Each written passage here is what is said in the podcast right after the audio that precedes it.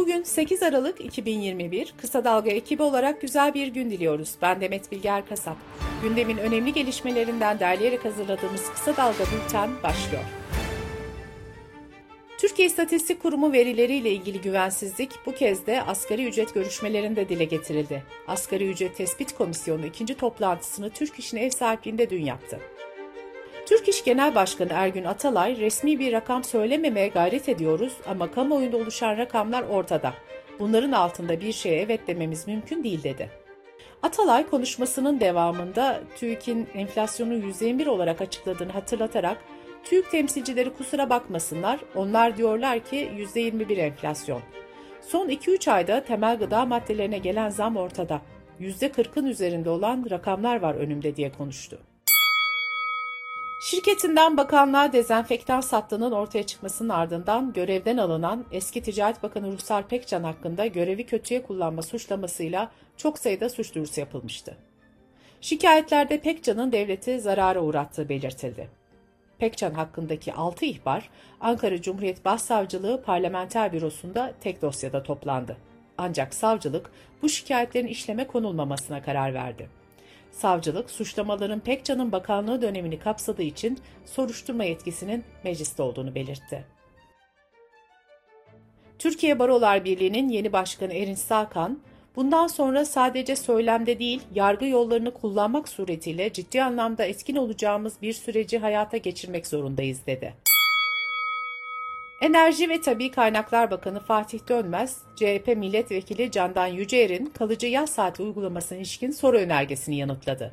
Bakan Dönmez, İstanbul Teknik Üniversitesi tarafından hazırlanan raporu atıf yaparak saat değişimlerinin getirdiği stres, kaygı ve depresyon gibi olumsuzlukların sabit saat uygulamasında daha az yaşandığını belirtti. Koza Altın İşletmeleri şirketinin Çanakkale Merkez ilçesine bağlı Serçiler ve Terziler köyünde altın gümüş madeni projesine verilen ÇED olumlu kararı Çanakkale 1. İdare Mahkemesi tarafından iptal edildi. Şirket kararı temiz edeceğini duyurdu. BBC'nin İstanbul bürosunda yerel sözleşmeyle çalışan gazeteciler, işverenle yürütülen toplu iş sözleşmesi görüşmelerinin uzlaşmazlıkla sonuçlanması üzerine grev kararı aldı. Av ve yaban hayvanlarının ve yaşam alanlarının korunması, zararlılarıyla mücadele usul ve esasları hakkındaki yönetmelikte değişiklik yapıldı. Değişiklikle insan yaralanması ve ölüm olaylarına sebep olan ayı ve kurt gibi hayvanların her türlü ateşli silah ve ihtiyaç duyulması halinde yasaklanan avlanma yöntemleri de kullanılarak acilen alandan çıkartılmasının yani öldürülmesinin önü açıldı.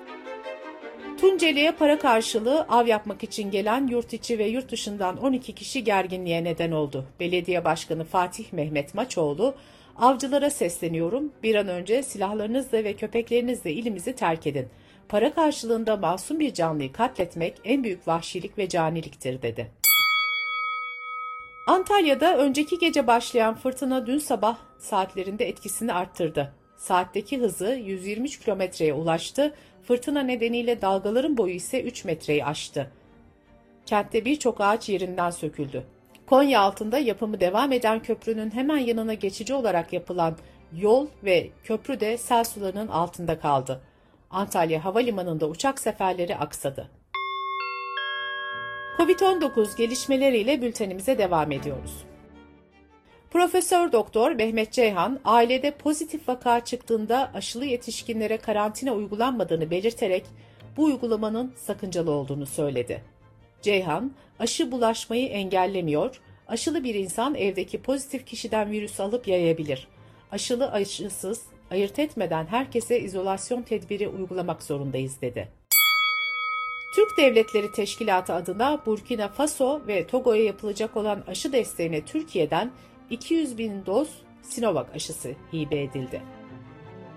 Danimarka Başbakanı başkent Kopenhag'da alışveriş yaptığı sırada maske takmadı. Maskesiz görülen başbakan sosyal medya hesabından özür diledi. Sırada ekonomi haberleri var. Kendilerini pandemiye rağmen yatırım yapmaya çalışan yerli ve milli yatırımcı olarak tanımlayan bir grup sermaye sahibi Sabah gazetesinde verdikleri ilanda açık mektup yayınlayarak Cumhurbaşkanı Erdoğan'a seslendi.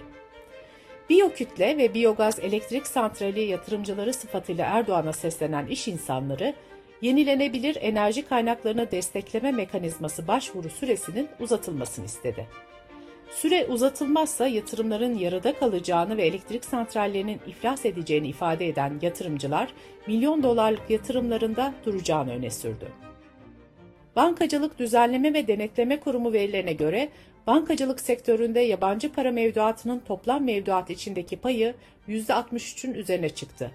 Bu 2001 krizindeki seviyenin de üstü oldu. Çiftçiden alınan çiğ süt fiyatlarına yapılan %47'lik zam henüz uygulamaya konmadan marketlerde satılan süt ve süt ürünlerine %3 ila %15 aşan oranlarda zam geldi. Marketlerde Kasım ayında 7.95 liraya satılan sütler Aralık itibariyle 8.99 liraya çıktı. 8,5 liradan satılan sütler ise 10 liraya dayandı. Çiğ süt zammı bugünden itibaren uygulanacak. Enerji, Petrol, Gaz İkmal İstasyonları İşveren Sendikası'ndan yapılan açıklamaya göre motorinin litre fiyatına 66 kuruş zam yapıldı. Yapılan zamla birlikte Ankara ve İstanbul'da motorinin litresi 10 lirayı aştı. Dış politika ve dünyadan gelişmelerle bültenimize devam ediyoruz. Katar'da bulunan Cumhurbaşkanı Erdoğan, Katar Emiri Şeyh Temim bin Hamed Al Sani ile baş başa görüştü. İki ülke bakanlıkları arasında 15 ortak anlaşma imzalandı. Cumhurbaşkanı Erdoğan'la birlikte Katar'ı ziyaret eden Merkez Bankası Başkanı Şahap Kavcıoğlu, Katarlı mevkidaşıyla görüştü. İki Merkez Bankası Başkanı finans ve bankacılık konularını ele aldı. Birleşmiş Milletler Mülteci Yüksek Komiserliği Afganistan'daki 9 milyon kişinin eksi 25 derecede eşi görülmemiş düzeylerde açlıkla karşı karşıya kalacağı uyarısı yaptı.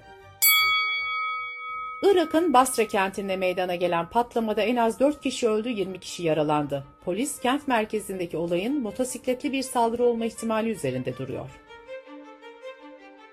ABD yönetimi Çin'deki insan hakları ihlallerini gerekçe göstererek Pekin'de yapılacak kış olimpiyat oyunlarını diplomatik olarak boykot etme kararı aldı. Çin bu karara tepki gösterdi ve bir bedeli olacak açıklamasını yaptı. Amerika'da yapılan bir araştırmada 1600 adet ilaç arasından Viagra'nın Alzheimer hastalığı tedavisi için en uygun ilaç olduğu ileri sürüldü. Bulgular ilacın hastalığa yakalanma olasılığını %69 oranında azalttığını ortaya çıkardı. Ancak ilacın Alzheimer tedavisinde kullanılması için bir dizi klinik test yapılması gerektiği vurgulandı. Bültenimizi kısa dalgadan bir öneriyle bitiriyoruz. Rusya Devlet Başkanı Putin Hindistan'da. Mühtan Sağlam mercekte bu kritik görüşmeyi ve sonuçlarını ele alıyor. Kısa Dalga.net adresimizden ve podcast platformlarından dinleyebilirsiniz. Gözünüz kulağınız bizde olsun. Kısa Dalga Medya.